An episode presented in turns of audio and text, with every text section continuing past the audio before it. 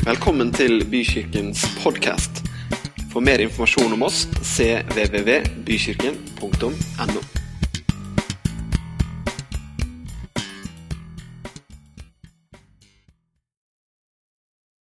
Takk, Herre, for at du er liv. I deg har vi fått liv. Vi er født inn i et liv. Du er selve årsaken til at vi lever, og det er vi utrolig takknemlige for. Og jeg får et tilbud om to stoler. Det var med pute på den. ja. Du skjønner at jeg må sitte litt godt. Jeg blir så sliten av å stå. Da er det dårlig kondis når du ikke orker å stå gjennom en preken. Altså. Det, er ikke, det er ikke bra. Har dere det fint? Ja, så bra. Det er godt at, dere, at vi starter der, i hvert fall. Ja, det er alltid bra, altså. Dere, eh, I dag så tenkte jeg å snakke litt om historier. For det er sånn at jeg nemlig elsker historier. Jeg lever jo faktisk av å fortelle historier, så det er en stor del av livet mitt å gjøre det. Og så tenkte jeg å starte med en historie. Det er jo liksom logisk at det må man jo gjøre. Eh, Jeg kommer fra Trysil. Eh, Og der var det ikke så mye å finne på på sommerstid. Det var på en måte enten å plukke bær eller se på TV. Plukke bær har jeg allerede snakket om. Se på TV er litt for kjedelig til å snakke om. Men jeg hadde også en jobb da, eh, som, som eh, 18-åring. Så jobba jeg på Kiwi. Og dette er et av mine pinligste øyeblikk. bare Så det er sagt. Så nå deler jeg det med dere, bare for å liksom legge lista. Eh, Så jeg, eh, jeg jobba da på Kiwi, og jeg eh, hadde akkurat hatt matpause og hadde akkurat vært på toalett og sånn, og så ringer det i den bjella. ikke sant? Det betyr at nå må noen ekstra komme i kassa. Dere kjenner til det konseptet? Man liksom plinger, og så kommer det noen. Og jeg var da den personen som alltid da kom og skulle sette meg ned. Så jeg setter meg ned, og det kommer en veldig søt jente som skal handle litt mat. Og så gir hun meg penger. Den gangen var det jo mest vanlig med kontanter, så hun ga meg kontanter. Og så skulle jeg da gi henne 20 kroner tilbake igjen. Akkurat 20 kroner. Det var, det var litt sånn festlig. Oss som jobber i, eh, i den næringa, syns det er litt morsomt når det er runde tall. Å, akkurat 100 kroner! Det var morsomt. Ja, så, så jeg skulle gi henne 20 kroner tilbake igjen, og så, eh, så henter jeg de 20 kronene fra veksleautomaten. Men så detter det opp i fanget mitt eh, for å snappe det opp. Og så sitter jeg der og så oppdager jeg at oi, den gulfen er jo åpen siden jeg var på toalettet. Uh, og da har ikke jeg åndsvernærelse nok til å bare gi henne to tikroninger. Så jeg tenker jeg må jo finne den 20-kroningen. så jeg begynner da å liksom lete febrilsk etter den 20-kroningen. Og finner den jo til slutt, da. og den følelsen der jeg liksom bevisst ikke møter blikket hennes sånn Vær så god. Den, uh, den var klam. Ja, den var klam. Så ja da. Så historier de kan ha stor mening, eller de kan være helt ubetydelige, sånn som denne. Det var ikke noe stort teologisk poeng jeg skulle komme fram til. Det er dere kanskje glad for. ja. Men historier, det er noe med det, altså. Hvis kona mi og meg skal virkelig slappe av, så elsker vi å sette oss ned og se på en film eller se på en serie. Det er på en måte ah, Det syns jeg er fint. Se på hvordan det går med disse folkene vi har blitt glad i gjennom en serie. Å, det er nydelig. Bli overraska, bli sjokkert. Eh, bli tatt inn i en verden som man selv ikke er en del av helt. Eh, det er stort, er ikke det? Og, og eh, Av og til når jeg lager prekener og skal snakke om ting, så jeg blir litt sånn usikker på om dette egentlig er relevant for folk. Men, men jeg gjorde en liten sånn googling på å se hvor stor omsetning det er på film. Og 2014 da var det altså 630 trillioner i omsetning på verdensbasis. Det er så mye penger, det. Eh, Det kan hende jeg surra det litt til når jeg skulle liksom, få dette her til å bli et norsk tall, men jeg tror, tror det var sånn cirka det. Hvis Ole Johan er her, så er han i gang med å google allerede, så vi får svaret, svaret snart, tenker jeg.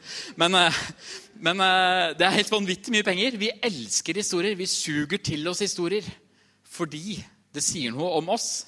Det sier noe om oss som mennesker. Eh, Og hvor kommer dette her fra? Eh, Da er det naturlig for oss da, som har en Gud og som har en bibel, å se på Bibelen. For Bibelen er jo faktisk helt full av historier hele veien. Om folkeslag, om enkeltpersoner, om store hendelser, historiske hendelser. Om Jesus, selvfølgelig. Eh, om hvordan man skal leve som kristen. Fullpakka av historier. Jesus brukte lignelser hele tiden for å fortelle hva han hadde kommet på jorden for å si. Så, så da tenkte jeg at kanskje det er litt spennende å prøve det som utgangspunkt for å fortelle om livet vårt. Rett og slett, Hvordan forteller man en god historie, og hva kan det si om vårt liv? Er det en kul greie? Ja, Veldig bra. Hvis ikke hadde vi hatt skikkelig store problemer akkurat nå. Vi hadde ikke hatt noen backup-plan. hvis dere hadde sagt, Nei, dette syns jeg hørtes veldig kjedelig ut, Gunnar. Eh, Men historier de, de gjør noe med oss fordi det er gjenkjennelig for oss. Vi, vi, vi, kan identifisere oss i hvert fall til en viss grad med det vi ser på eller leser om eller hører på.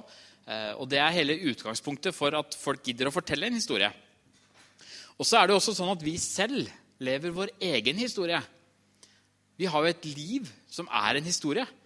Bak hvert eneste menneske så finnes det en skjebne, det finnes en, en fortelling om hvordan livet har vært. Hva som har vært av motgang, hva som har vært av oppturer, hva som har vært spennende innhold, hva som har vært eventyr, hva som har vært kjedelig.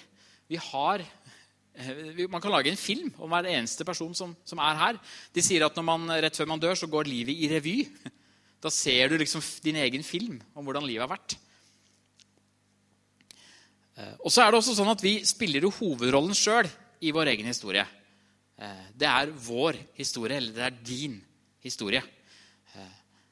Eh, og det meste av manus har du også sjøl. Riktignok fins det noen bikarakterer, eller jo, det er biroller, som, som, kommer inn, og som du på en måte ikke alltid kan styre eller manipulere. Hvis ikke du er veldig psykopat. Da, da kan du jo prøve, selvfølgelig. Men, men det fins noen sånne usikkerhetsmomenter. ikke sant? Vi har omstendigheter som preger livet vårt, som vi ikke kan skrive om. Eh, men i det store og det hele så styrer jeg mitt eget liv basert på mine valg og de konsekvensene som de valgene tar, får, gir. Veldig vanskelig med preposisjoner. ja da. Eh, så selv om dette her på en måte blir litt universelt, så har jeg tenkt å snakke om din historie i dag. Hvordan ditt liv eh, er, egentlig. Og hvordan måten vi som historiefortellere bruker livene våre på å formidle eh, nye ting eller eh, følelser, eller hva, hva, man da ønsker å formidle. For vi har noen sånne fellesnevnere eh, som vi er designa for å kjenne oss igjen i. Om du ser en actionfilm med Spiderman og trikot, liksom, så syns du det er kult. I hvert fall jeg da, synes det er kult uansett. Kommer liksom Eh, spindelvev ut av armen. Og, nei, det er liksom kult. Det er ganske langt unna virkeligheten, men det er likevel noe som eh, jeg identifiserer meg med. på en eller annen måte. Får lyst til å følge med på.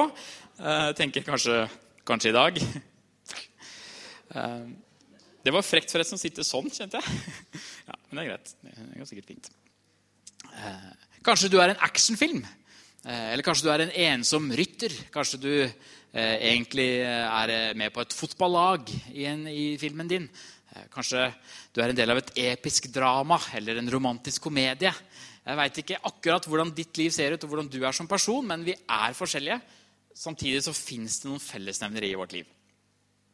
Så Vi skal se på hva som kjennetegner en god historie. Eh, og så skal vi finne ut hvordan det eh, livet vårt eller våre historier kanskje kan bli enda mer severdig. Eller i hvert fall få enda mer innhold. Eh, få større bevissthet rundt hvordan manuset i ditt liv er. Vi starter med å fortelle om at de beste historiene de har en god start. Det er, liksom, det er noe man må få til. Det heter anslaget. Du må liksom sette i gang livet. Sette i gang historien på en måte som gjør at folk gidder å se på. Forskning viser at, uh, altså Vi ser jo mer og mer på videoer på Facebook. De tre første sekundene på en Facebook-video det er helt avgjørende for om folk gidder å se på videre eller ikke. Så Hvis ikke de tre første sekundene er bra, kan du bare glemme det. Og vi har et ganske fantastisk anslag i vårt liv, alle som sitter her. Hvor mange her har vært til stede på en fødsel? Hvor mange vil si at det var en sånn over gjennomsnittlig spesiell opplevelse? Ja, det var et ganske heftig anslag når mine barn kom ut til denne verden.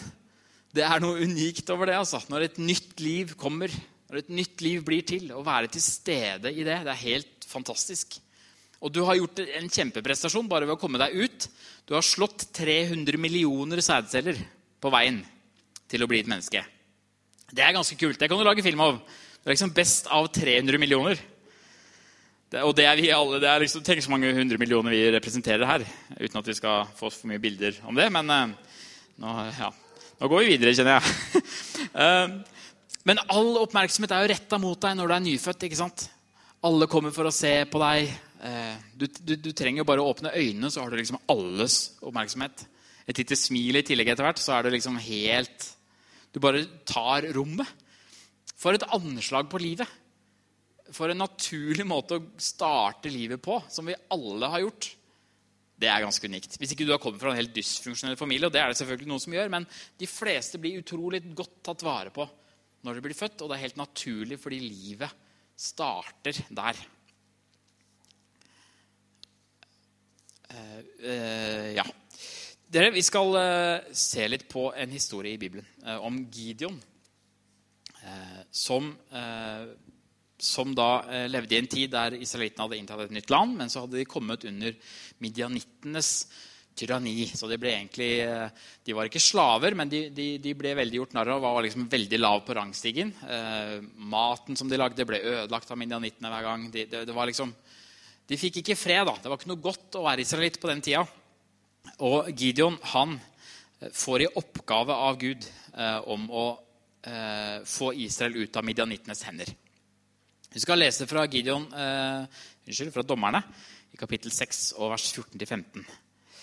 Der står det Herren vendte seg til ham og sa, Gå og bruk den styrken du har, til å berge Israel ut av hendene på midjanittene.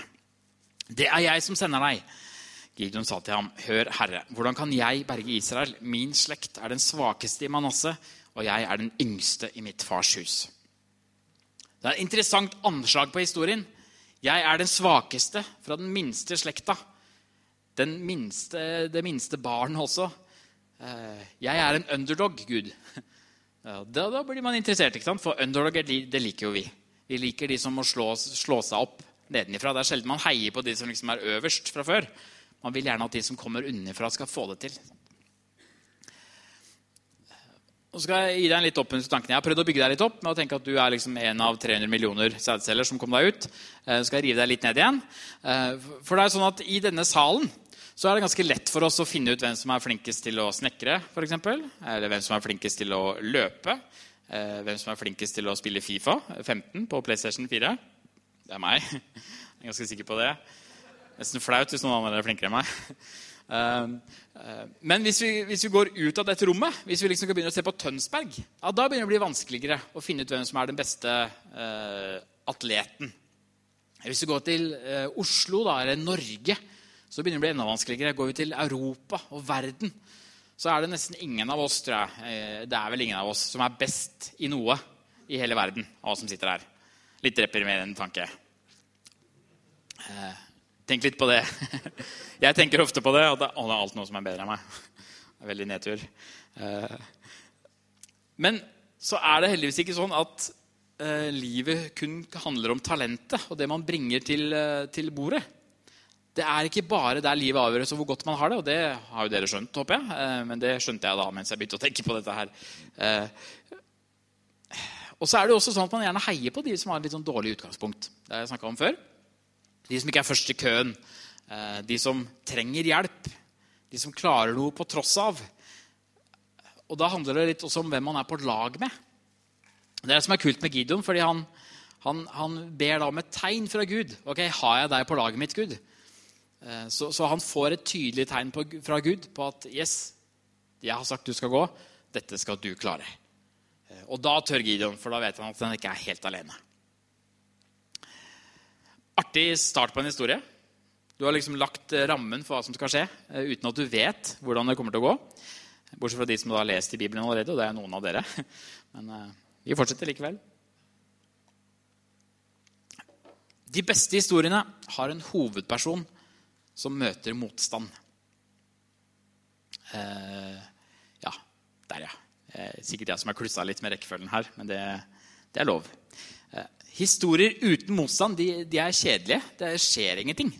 Det, det, det, bare liksom går sin gang uten at det er noe action. Det må stå noe på spill. Det må utspille seg en kamp mot et eller annet på et eller annet nivå. Eh, om, om, det ikke er mennesker imellom, så handler det om omstendighetene. Naturkatastrofer eller et eller annet som, som man må slåss mot. da. Og eh, Gideon han hadde jo ganske tydelig eh, fiende. Det var midjanittene som skulle slåss mot. Og Kanskje vi også har noen ganske tydelige fiender innimellom i våre liv. Er det noen her som har levd livet helt uten motstand? Nei, det er ikke det. Du skal ikke veldig langt inn i en samtale med et menneske før du skjønner at oi, her har det vært litt av hvert å bryne seg på. Her har det ikke vært strømlinjeforma. Her har det vært opp og ned. Her har det vært ting man må deale med, ta tak i, eh, komme seg videre fra. Det gjelder alle liv. Eh, og livet er så uforutsigbart òg, det skal vi komme inn på seinere, men man, man veit aldri helt hva som kommer til å skje. ikke sant? Man vet jo ikke hva livet byr på. Man kan ikke si det med sikkerhet. Så hvert eneste liv her på jorda møter motstand. Av og til som en konsekvens av valg vi sjøl har tatt. Av og til som en konsekvens av valg andre har tatt. Eh, og noen ganger så er det bare omstendigheter som, som man ikke hersker over, som, som, tar over livet vårt helt. Snur livet opp ned. Eh, grotesk eksempel i forrige uke med Liv Marit Vedvik som skulle hjem og legge seg i båten. Sette fast beinet sitt og omkommer 50 meter fra mannen sin. Da snakker vi om å snu livet opp ned. Altså. Så livet er uforutsigbart. Eh, Gideon han hadde tydelig motstand. Midianitt. Hæren på 130 000. Og israelittene hadde ca. 32 000 menn. Det var ganske dårlige odds i utgangspunktet. Han visste om at han hadde en stor motstander han skulle slåss mot. Noen ganger så er det en motstand så stor at du har lyst til å endre manuset. Kunne det ikke bare vært annerledes? Kunne ikke gårsdagen bare ikke ha skjedd? Hadde jeg bare ikke valgt det, så hadde livet vært helt annerledes nå. Jeg er helt sikker på at vi har noen sånne milepæler i livet vårt alle sammen som vi angrer på. Og som det er fort gjort å, å ja, tenke tilbake på ofte. De beste historiene de er uforutsigbare. Når du ikke vet hva som skjer, da sitter jeg skikkelig frampå. Og jeg vet jo ikke hvordan dette her ender. når du sitter og ser på film.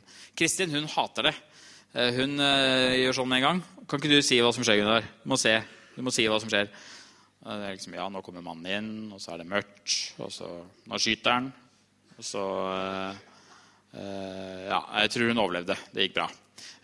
Det syns jeg høres veldig kjedelig ut. da. Liksom, jeg, er ikke så, jeg er ikke så energisk når jeg gjenforteller heller, på en måte. men, men, men, det er de uforutsigbare hendelsene som gjør film spennende, og som gjør livet også spennende. Selv om det kan være mørkt, så kan det også være lyst. Mange ting man ikke vet skjer, som faktisk er positivt. Og så er det kanskje en av de tingene som skiller Eh, fiksjon fra virkelighet i størst grad, er dette uforutsigbare. Hvis jeg skal liksom se på mine siste 24 timer, så har de vært ganske straight forward. Det har ikke vært noen sånn sjokkerende ting.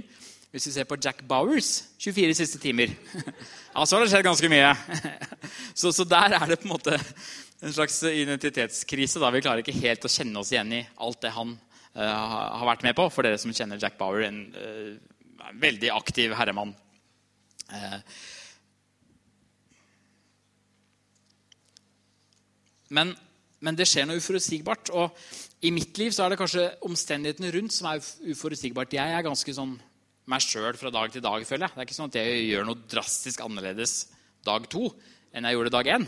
Men det er gjerne de tingene rundt som former min dag. Eh, men i historien om Gideon så skjer det noe veldig uforutsigbart. Eh, han samler en hær på ca. 32 000 mennesker. Han får beskjed fra Gud om at nei, det er jo litt for mye folk. rett og slett. Gud vil vise at det er Gud som, som uh, frigjør israelittene. Så han vil gjøre det enda litt vanskeligere for Gideon. Det er uforutsigbart, altså. Uh, så, så, derfor så fikk han beskjed om å sende hjem alle som var redde. Så Gideon sier ok, alle som er redde og som ikke vil være her, dere kan dra hjem. 22 000 menn drar. Ok, Så da er det liksom 10 000 mot 130 000. Ja, fortsatt en sjanse. Vi har jo Gud på laget. Dette kan gå bra. Eh, men Gud er ikke fornøyd. Nei, dette er fortsatt eh, for gode odds for Gideon til å klare dette på egen hånd. Så han gjør noe innmari kult. da, Gud. Han sier at nå skal du be alle om å gå og drikke vann.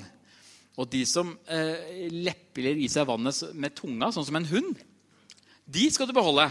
Mens de som tar opp vannet Eh, med, med hendene sånn og drikker, de skal du sende hjem. Og du skjønner jo hvem det blir mest av, på en måte. Det ligger i korta at her blir det ganske mye færre folk. Eh, jeg regna ut at det er ca. 3 da, av de som var der, de eh, brukte bare tunga rett ned i vannet. Så det vil si at vi er vel, hvor mange er vi her? 60-70? Det er et par stykker av oss som ville valgt tunga. Eh, men da sitter altså Gud igjen med 300 eh, militære som har en fellesevne at de bruker tunga når de skal drikke vann. Og Da begynner oddsen å se dårlig ut. Og det som er morsomt med det, eller festlig, eller ikke det engang, men fascinerende og sterkt, det er at da begynner Gud å trives. Nå er oddsene så dårlige at nå kan Gud bli synlig i historien. Nå kan Gud gjøre dette her. Nå er det ikke lenger mennesker som gjør det, men det er Gud som frigjør israelittene. Og det er akkurat det som skjer. Gud skinner. Gud frelser israelittene fra midjanittene, og Gideon han blir eh, den første dommeren, stordommeren over Israel. Så de beste historiene de har et vendepunkt. De har en, en endring som skjer. Israelittene de slår midjanittene. Gideon blir dommer, som sagt. Eh, de vant. Klimakset er der. Kampen er over. Det liksom nærmer seg slutten på filmen. Det har skjedd, det vi har venta på, det vi har håpa på skulle skje. Og du har også allerede hatt noen vendepunkt i ditt liv, på godt eller vondt, der ting endrer seg. Der du kan si en sånn før og nå. Der omstendighetene eller dine valg var så tydelige at det endra måten du lever livet ditt på. Da jeg valgte Kristin, gifta meg med Kristin, så, så redda, det meg. Jeg hadde bare sittet og spilt PlayStation hele tiden hvis jeg ikke hadde møtt Kristin. Jeg gjør det jo for så vidt nå, men uh, nå har jeg i hvert fall barn rundt. Ja, ingen som ler av det? Er det litt trist? Er det derfor? ja, litt tøysete, da. Men uh, bare litt. Uh, men vi har tatt noen valg, alle vi som sitter her, som har skapt en forskjell. Mange av dere har valgt å følge Jesus. Det peker livet ditt i en helt ny retning. Et vendepunkt som gjør at du kan si da endra jeg meg. Da skjedde det noe i hjertet mitt. Da skjedde det noe i måten jeg prioriterer livet mitt på. De vendepunktene de gjør noe med oss. Og det er selve hovedpoenget. I de beste historiene så endrer hovedpersonen seg. Jeg elsker sånne serier. Det er kanskje derfor serier er så populært for tida.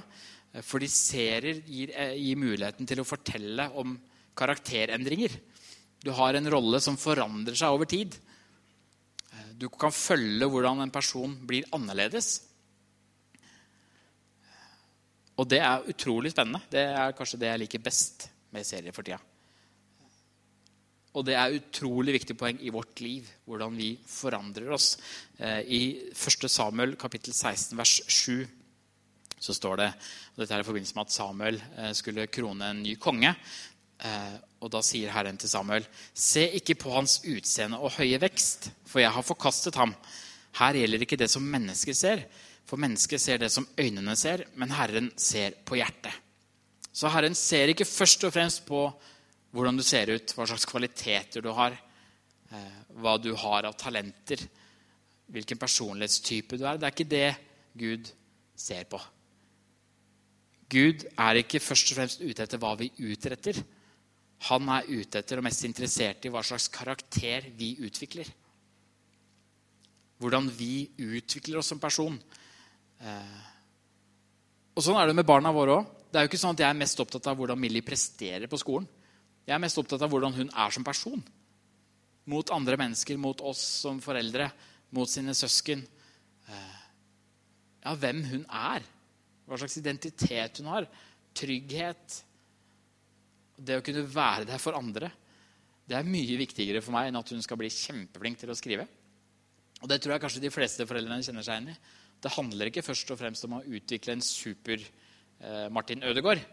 Selv om det er kjempekult. da. Eh, det hadde ikke sagt nei takk til det hvis eh, Tobias blir Martin Ødegaard. Men, eh, men, men eh, Martin Ødegaard har også en veldig god personlighet.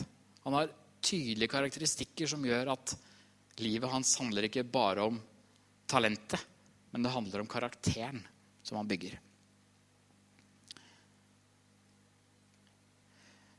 Og hvis våre liv ligner, hvis min karakter ligner på Guds karakter, hvis den blir mer lik Gud, så kommer også resultatene rundt meg. Da kommer liksom frukten rundt mitt liv. til å gi resultater for andre mennesker rundt meg. Da blir jeg bevisst på at jeg er ikke bare eh, hovedkarakteren i mitt liv, men jeg er også en bikarakter i mange andres liv. Mitt liv har en påvirkning på de livene som jeg deler, deler tid med. De jeg er sammen med, blir prega av at jeg er den personen jeg er. Og når eh, jeg er opptatt av karakterutvikling, så kan faktisk min bikarakter po positivt påvirke andre mennesker. Da. Og det er litt kult. Og det er ganske nødvendig for en person som tror på Jesus, at man faktisk bruker livet sitt aktivt inn i andres liv.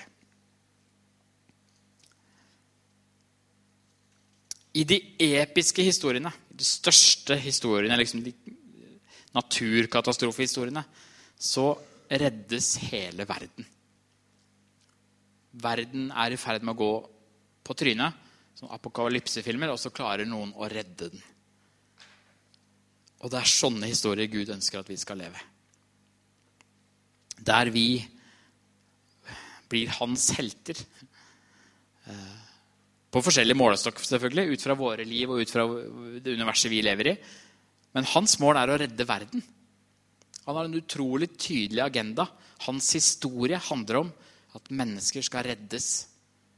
Skal komme i trygghet. Skal finne Gud. Han inviterer oss med på den største, den episke historien. Der gjør det ingenting at du er underdog. Der gjør det ingenting at du ikke har alt eller kan alt eller vet alt. Der handler det om å stille opp. Der handler om å komme med den karakteren jeg er, og si, 'Gud, du kan bruke meg. Du kan bruke min hovedperson.' For jeg vil ikke være hovedperson i mitt liv. Jeg vil faktisk at du skal være hovedperson i mitt liv. Jeg vil at du skal skrive manuset jeg vil leve etter det manuset du har for meg. Og da handler det som sagt ikke om akkurat hva jeg gjør, men det handler om hvem jeg er. Han skriver et manus som forandrer oss som mennesker, som gjør oss mer lik seg. Og da kan vi være med og redde verden. Så det jeg tenker liksom Gud spør oss i dag, det er hva slags historie forteller du med livet ditt? Hvilken historie er du? Hva er det folk skal sitte igjen med når de møter deg? Hva er det viktigste for deg? Hva er det du løfter fram i livet?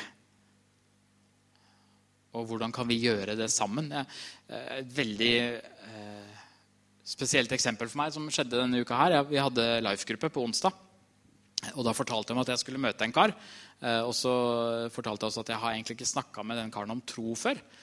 Eh, men eh, jeg har veldig lyst til å gjøre det når jeg skal spille frisbeegolf. For det er veldig, frisbeegolf er et veldig fint sted å snakke med mennesker. Så det hadde jeg lyst til, så, så, så da ba vi litt for det. Og så Kristoffer eh, på gruppa vår han sender melding vet du, dagen etter. og 'Lykke til i dag', og 'Håper det går bra når du skal prate med ham', Og sånn. Og det som skjer, er jo at jeg får, bringer inn de karakterer i livet mitt som gjør at jeg gjør ting annerledes. Hvis jeg ikke hadde sagt dette her, så hadde jeg antagelig feiga ut. Og tenkt at nei, dette her er jo det er jo ingen som merker hvis jeg ikke sier noe. Men jeg visste at jeg kom til å få spørsmål fra Kristoffer. Åssen gikk det? Jeg visste at uh, life-gruppa mi kom til å lure på om du gjorde noe, liksom. Nei, det skjedde ikke noe. Det kunne jeg jo ikke si. Jeg kunne heller ikke ljuge og si ja, han møtte Jesus i skogen. Ved hull 15. Eh, så, så, så, jeg var jo nødt til å rett og slett bare bjuda på litt og fortelle litt om min tro. Eh, og det var ikke noe sånn eureka-øyeblikk for noen av oss, men det var veldig deilig å kunne vite at min historie endrer seg fordi jeg bringer flere inn i den. At min historie, den, eh, den går litt lengre da, når man deler liv. Ja. Så sier Jesus, eller egentlig er en engel i Johannes' åpenbaring, i det siste kapitlet, nesten siste versa i Bibelen. Dere kan komme opp forresten, dere i lovsangsteam og band og osv. Engelen beskriver Jesus og Gud og sier at han er alfa og omega. Gud er begynnelsen på historien. Han er slutten på historien. Han er begynnelsen på ditt liv. Han fødte deg inn i dette livet. Han skapte deg med en hensikt. Han ønsker at vi skal endre verden rundt oss. Han ønsker at vår historie skal eh, være skrevet av han. At han skal være til stede i den. At han skal endre vårt liv og også de livene som er rundt oss. Og han sier at det er også slutten. Også når vi går mot slutten av livet, så er Gud der.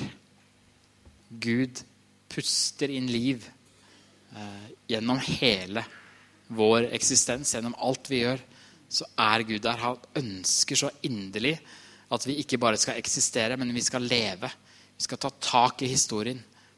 Ikke bare la historien drifte av gårde. Eh, ikke bli lat når du skriver din egen historie. Eh, ikke bli fornøyd med at hver eneste dag er helt lik. Ta litt sjanser. Når sist sørga du for at det var enda dårligere odds for å få til det du ville? Og når sist sjekka du med Gud at Gud faktisk ønska en forandring? Tenk på Gideon som var så tydelig at ok, Gud, hvis jeg skal gjøre dette her, så må du vise at du er med. Når vi lever sånne liv der vi sier til Gud nå skal du vise at du er med, og så skal vi gjøre oddsen så dårlig at du blir synlig mellom dem gjennom det, da blir Gud synlig. Da får Gud skinne i våre liv. Så det er min utrolig klare tydelige utfordring til deg. Lev liv som gjør at Gud skinner gjennom dem. Lev historier som gjør at du kan ha noe å fortelle. At det blir mer enn en historie om en 20-kroning du måtte finne fram. At livet ditt er noe som forandrer andre mennesker. Der du ikke lenger er hovedperson i ditt liv, men du blir bikarakterer i andres liv. Og rett og slett la Gud gjennom deg endre verden. Det er stort. Det er litt, sånn, det er litt svært og svulmende, men sånn er jo film. Eh, men jeg har trua på det. At Gud ønsker å bruke livene våre så aktivt. Det er så fort gjort å gå liksom, i den vanlige tralten. Jeg vet alt om det som har tre barn. og liksom, Det er så vidt uh, man har registrert at dagen er ferdig. Uh, det går så fort, det er så vanvittig tempo, så mye vi skal gjøre. Og Hvis ikke vi tar tak i det, hvis ikke vi stopper opp og sier Gud, mitt liv er ditt liv, min historie skal være din historie, så kommer vi til å angre når vi skal se tilbake på livet vårt. Herre, takk for at du er til stede i livet våre. At du ikke er en fjern Gud, men du er en nær Gud for de som søker deg.